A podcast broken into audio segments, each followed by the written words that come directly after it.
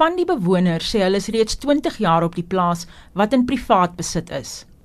'n Emosionele pa van 4, Dion Lou, sê sy grootste bekommernis is sy 5 maande oue seun. Ek kan nog slaap, maar hy hy skree maar nog 5 maande.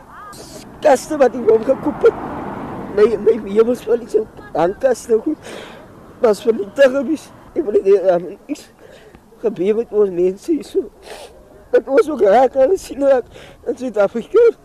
Is ou Die burgemeesterskomitee lid vir menslike nedersettings by die Kaapse Metro, Malusi Boy, sê die inwoners is by twee geleenthede die opsie van alternatiewe verblyfgebied, maar het dit van die hand gewys. First accommodation was in Blokombos, which was five kilometers away from where they, they were.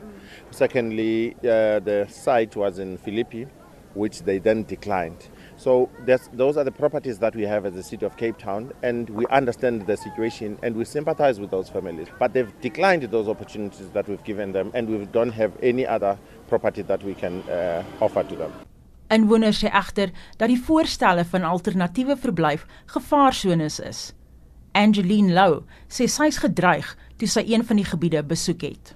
En alles dien het, het, het was ons by komitee gewees en die mense wat daar bly, toe sê hulle vir ons ons kan nie kom bly, ons daar kom bly, dan het hulle vir ons doodmaak want daar is bekjare wat jare lank wag vir plek om te bly. Hulle gaan nie wat ons daar bly.